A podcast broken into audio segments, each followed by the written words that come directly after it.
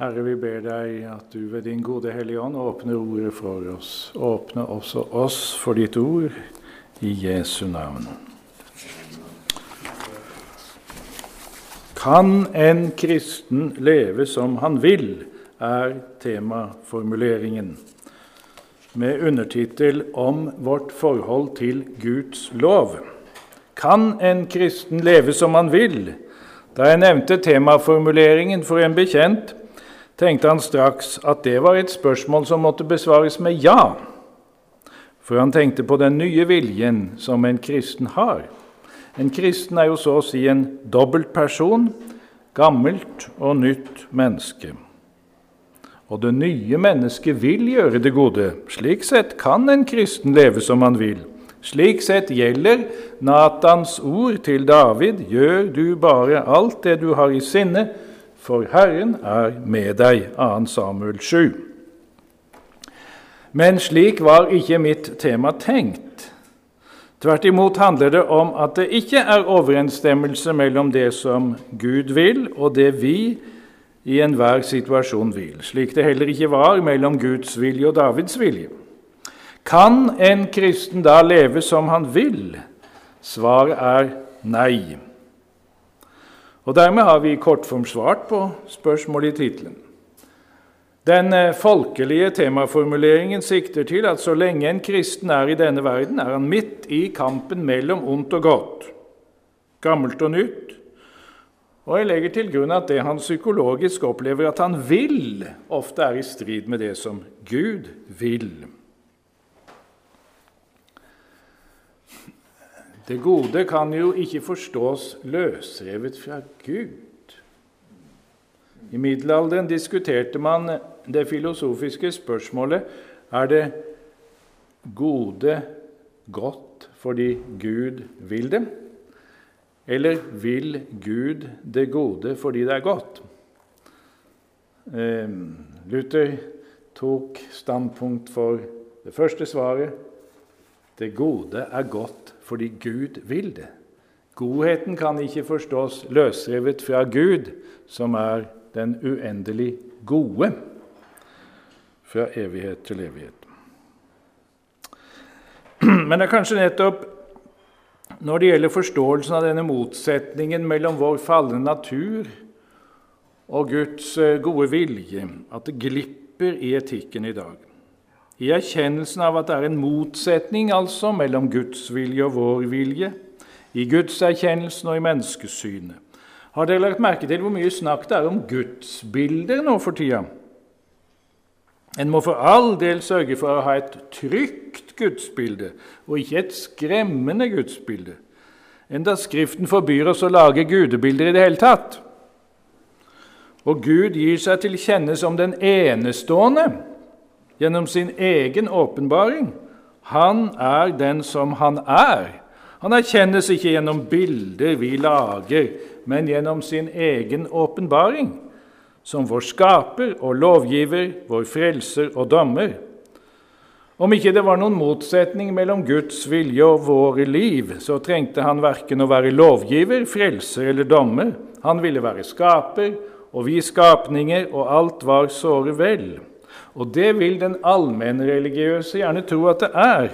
Har dere lagt merke til hvor mye snakk det er om å være seg sjøl nå for tida? en må finne seg sjøl, eh, akseptere seg sjøl og realisere seg sjøl i et pluralistisk og fargerikt fellesskap, der vi tar hverandres hender og setter oss i ring og er en masse søsken glad i de samme ting. Og så sies Gud å være far til alle, eller er det ikke det? Jeg har sett det står 'Gud er glad i alle'. Det er jo sant. Men eh, Eh, det er vel også en versjon som sier at Gud er far til alle, og jorden er vårt sted og alle verdens mennesker. De er vi venner med. Jeg lurer på om de som er så glad i en sånn sang, også er venner med de bibeltroende kristne.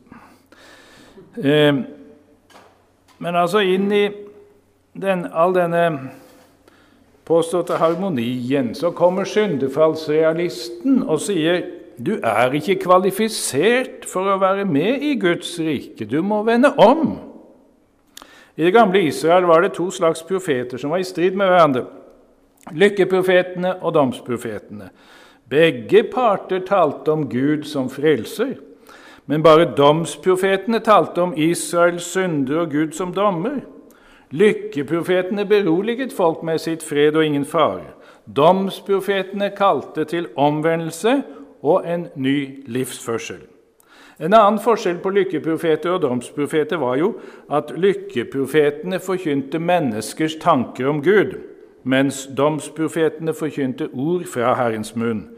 Lykkeprofetene ville trøste og oppmuntre folk i motgang og vansker, men domsprofetene ville berge folk fra Guds dom. Jeremia var en av dem. En dag fikk han beskjed fra Herren om å stille seg i porten til Jerusalems tempel og rope ut et budskap til dem som kom for å tilbe Herren. Og Dette var folk som mente om seg sjøl at de var frelst. Ja, Herren sier at de står fram for hans åsyn i tempelet og sier, 'Vi er frelst'. Her er det stevne, lovsang, bønnemøte, vitnemøte, og vel i, en av, en av mest, i en av de mest politisk dramatiske situasjonene som folk hadde opplevd. Kong Josia var falt i kamp mot den egyptiske farao, og den kongesønnen som folket valgte til ny konge, ble avsatt av farao og erstattet med en annen. Saktens var det alvor over samlingen i tempelet. Usikkerheten for det lille Judariket var langt større enn den var for Norge den 22. juli, og folk søkte trygghet i religionen. En kunne tro at dette var en rett og god begynnelse. Men Jeremia har fått i oppdrag å si at de må omvende seg og begynne et nytt liv, ellers vil Gud fordømme dem. Folket blir anklaget for å leve på en veldig livsløgn. Dere stjeler, slår i hjel, driver hor, sverger falsk og brenner røkelse for Bal og følger andre guder som dere ikke kjenner, og så kommer dere og står fram for mitt åsyn i dette hus som er kalt med mitt navn, og sier:" Vi er frelst og så tenker dere at dere fremdeles kan gjøre alle disse avskyelige ting, Jeremia 7. De trodde at de kunne være frelst og leve som de ville. Det er et forferdelig dobbeltspill. På den ene side brytes Guds bud åpenlyst. På den annen side setter folket sin lit til at tempelkulten går sin gang. Ofringene i tempelet er blitt sovepute for folket. En teolog omskriver det slik.: Deres liv har delt seg i to provinser. I den ene gjør dere hva dere vil. Dere går etter deres begjær og deres angst og lever som om Guds bud ikke eksisterte for dere. I den andre provinsen er dere fromme. Dere etterkommer deres religiøse plikter og sikrer på den måten det rov dere har tatt i den førstnevnte provinsen. Men det går ikke an å kjøpe seg tillatelse til å synde. Folket lever i en falsk sikkerhet. Bedre deres veier og deres gjerninger, så vil jeg la dere bo på dette sted.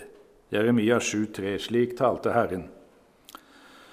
Og døperen Johannes forkynner på samme måte som eh, Jeremia gjorde da han bar fram Guds ord.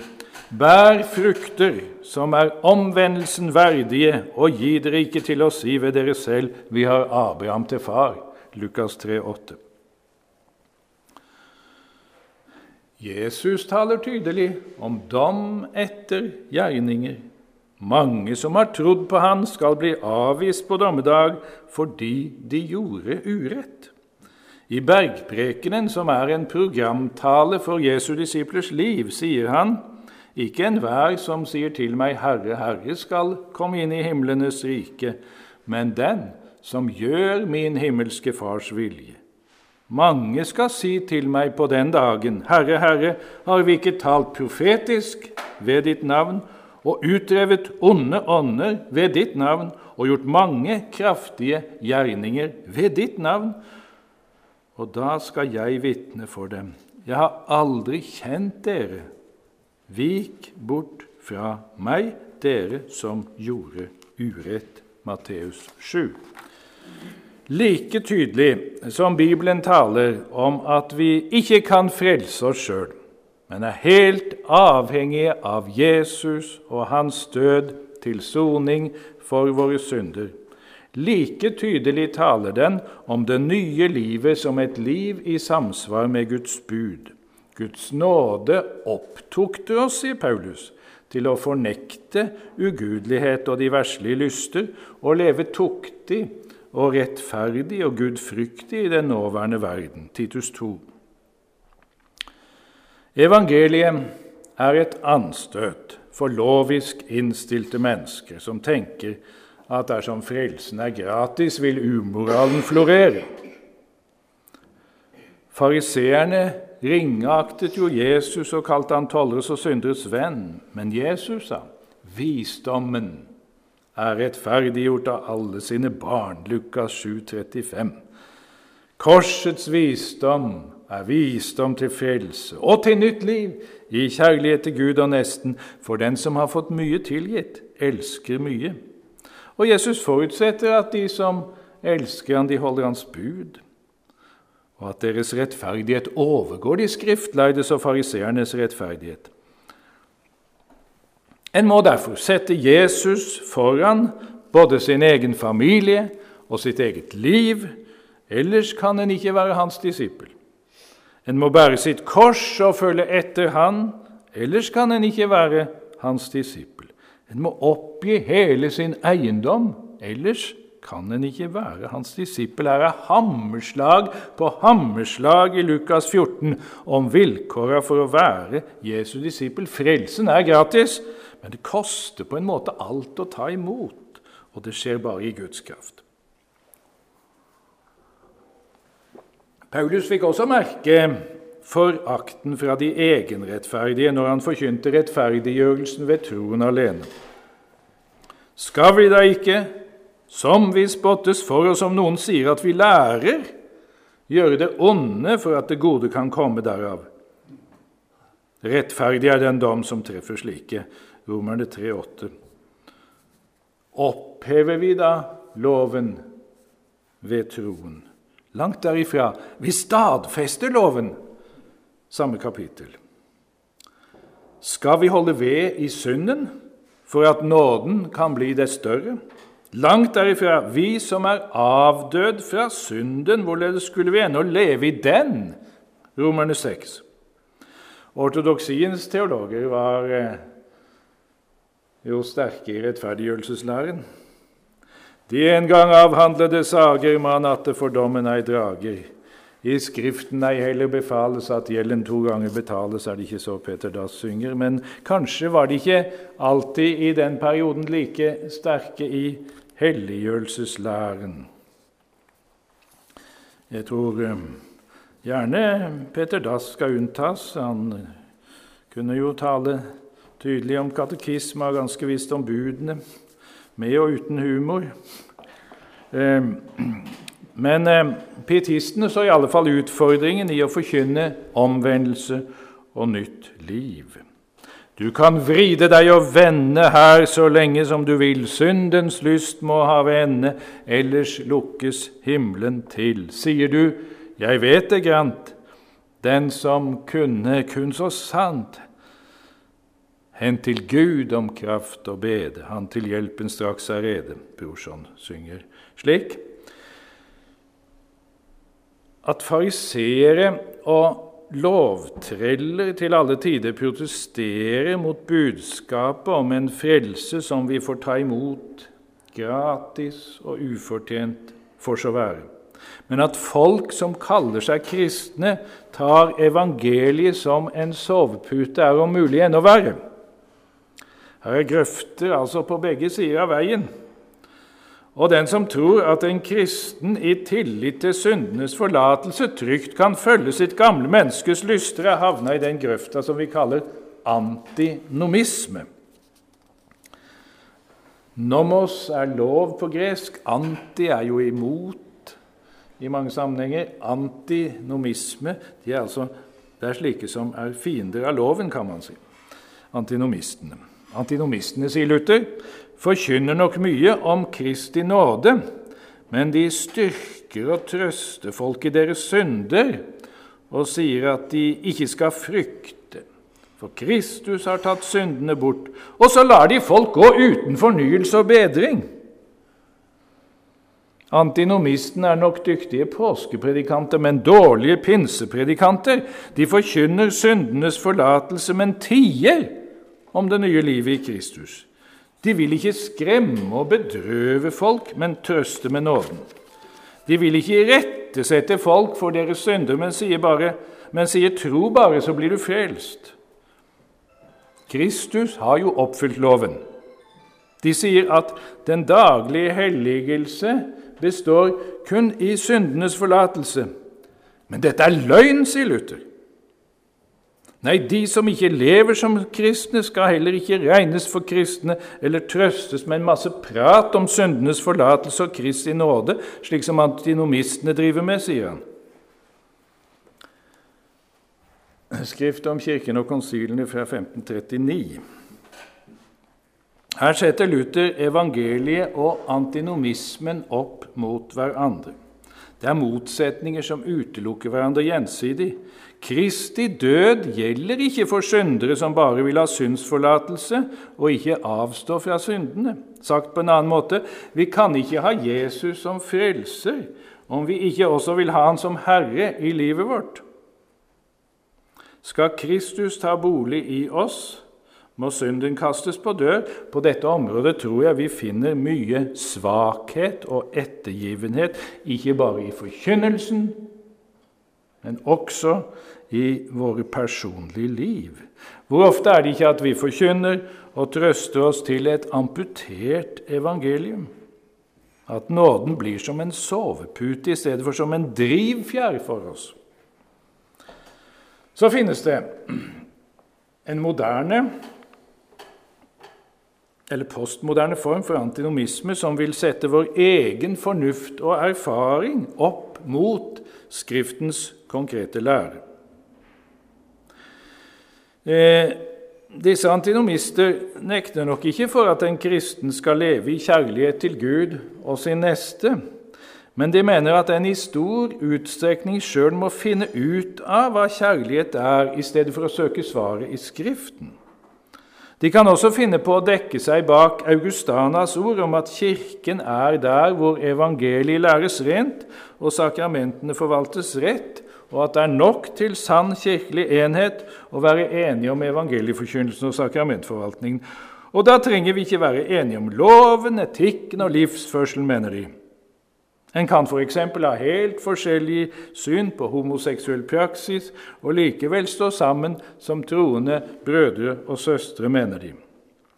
Men Augustana, Luther og Melanchthon har aldri ment at loven er uvesentlig.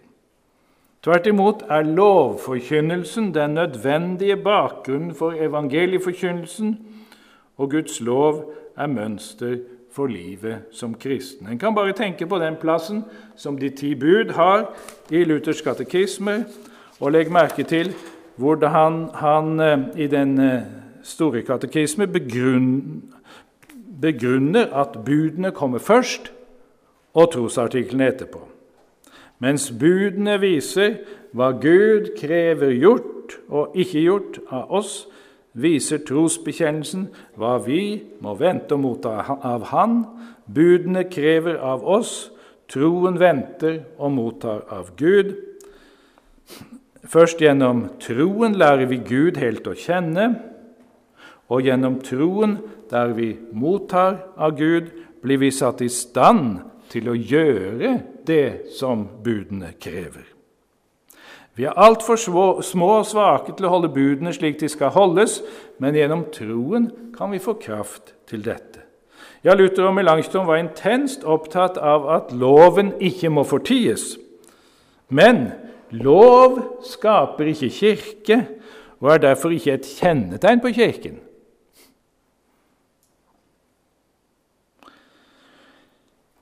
Evangeliet handler ikke bare om syndenes forlatelse. Men evangeliet handler om samfunnet med den treenige Gud. Syndenes forlatelse er nøkkelen som åpner opp for samfunnet med Gud. Og Skriften holder altså syndenes forlatelse og Den hellige ånds gave sammen. Det hadde Luther og Melanchthon sett.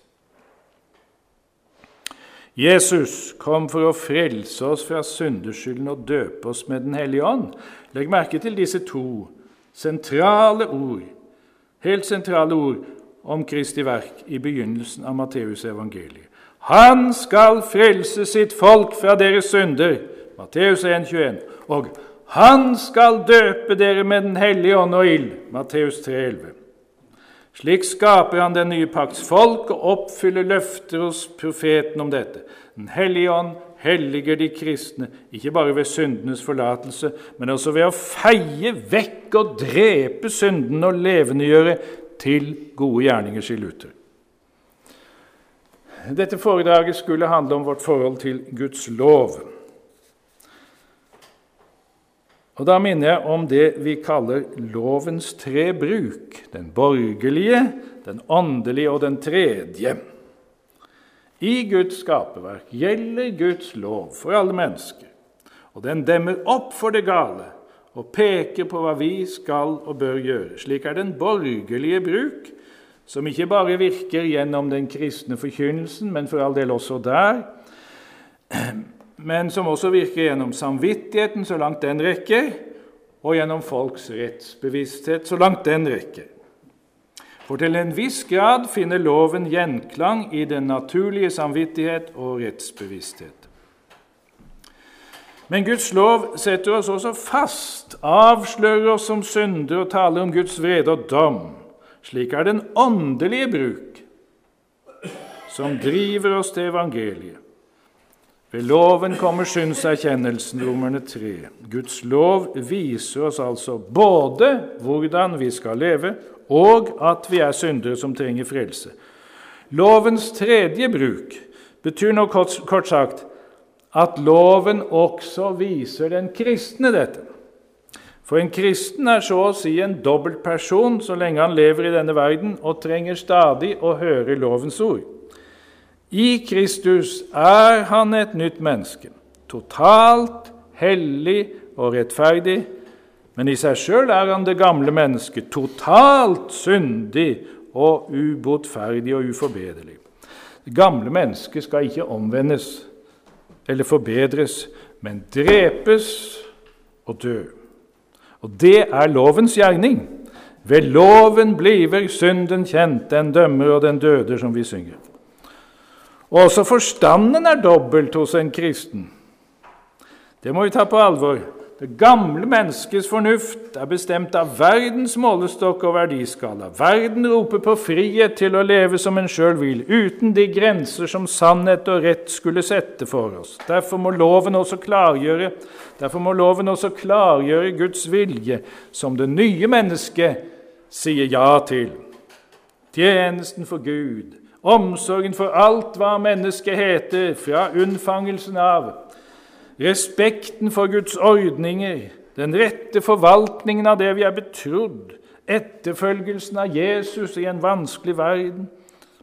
Men loven gir ingen kraft til gode gjerninger. Evangeliet derimot er en Guds kraft til frelse og sannelig også til helliggjørelse. For ved troen på evangeliet får vi Den hellige ånd, som gir kraft til å stride mot synden i oss og omkring oss. Lovens krav skal bli oppfylt i oss, som ikke vandrer etter kjødet, men etter ånden, sier Paulus. Gud sendte sin egen sønn i syndig kjøds lignelse og for syndens skyld, og fordømte synden i kjødet for at lovens krav skulle bli oppfylt i oss, vi som ikke vandrer etter kjødet, men etter Ånden. Romerne 8, 3 og 4.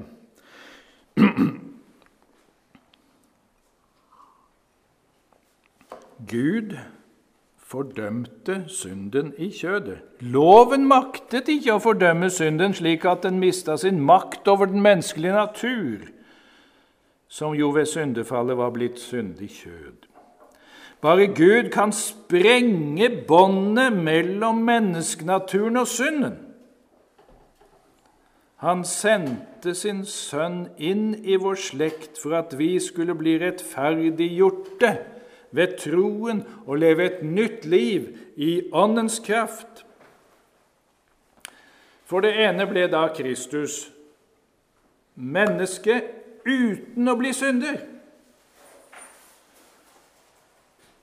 For det andre led han straffen for menneskenes synder uten selv å være skyldig.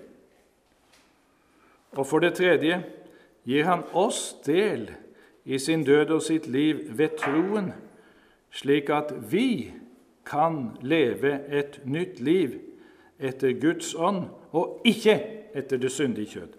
Gud sendte sin egen sønn i syndig kjøds lignelse og for syndens skyld, og fordømte synden i kjødet for at lovens krav skulle bli oppfylt i oss, vi som ikke vandrer etter kjødet, men etter ånden, sto det. Her er inkarnasjon, påske og pinse holdt sammen. Paulus er julepredikant, påskepredikant og pinsepredikant på én gang i Romerne 8, 1-4. Må ta med vers 4, sier dere. I Romerbrevet 8 Jeg bor på nummer 1, heter det i en uh, vekkelsessang, og det er greit. Eh, men jeg har også hørt versjonen i Romerbrevet 8 fra første vers til 3. Gud i sin nåde en gang til meg talt. Men når man har lest de tre første versene, må man nå ta med vers 4. Ja. Vel, Jesu kors og død roper om Guds dom og Guds nåde. Gud hater synden og dømmer den, men elsker synderen, så han benåder han når synderen tar sin tilflukt til Jesus. Derfor er det ingen fordømmelse for dem som er i Kristus Jesus. Den altså som ikke har gjerninger, men tror på ham som rettferdiggjør den ugudelige, ham regnes hans tro til rettferdighet. Romerne 4,5.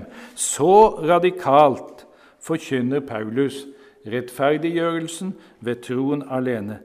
Men denne troen er samtidig nøkkel til et helt nytt liv, båret av Helligånden.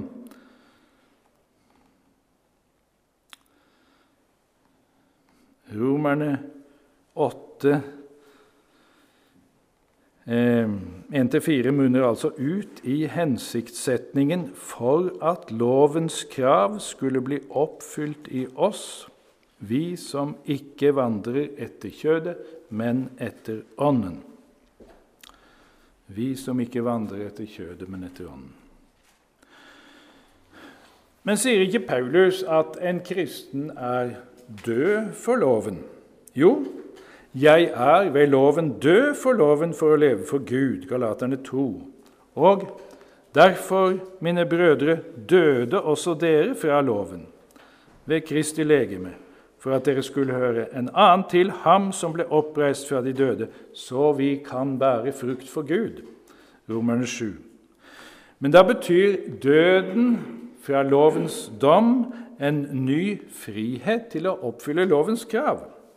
Død for loven, løst fra loven, for at det som loven krever, skulle bli oppfylt.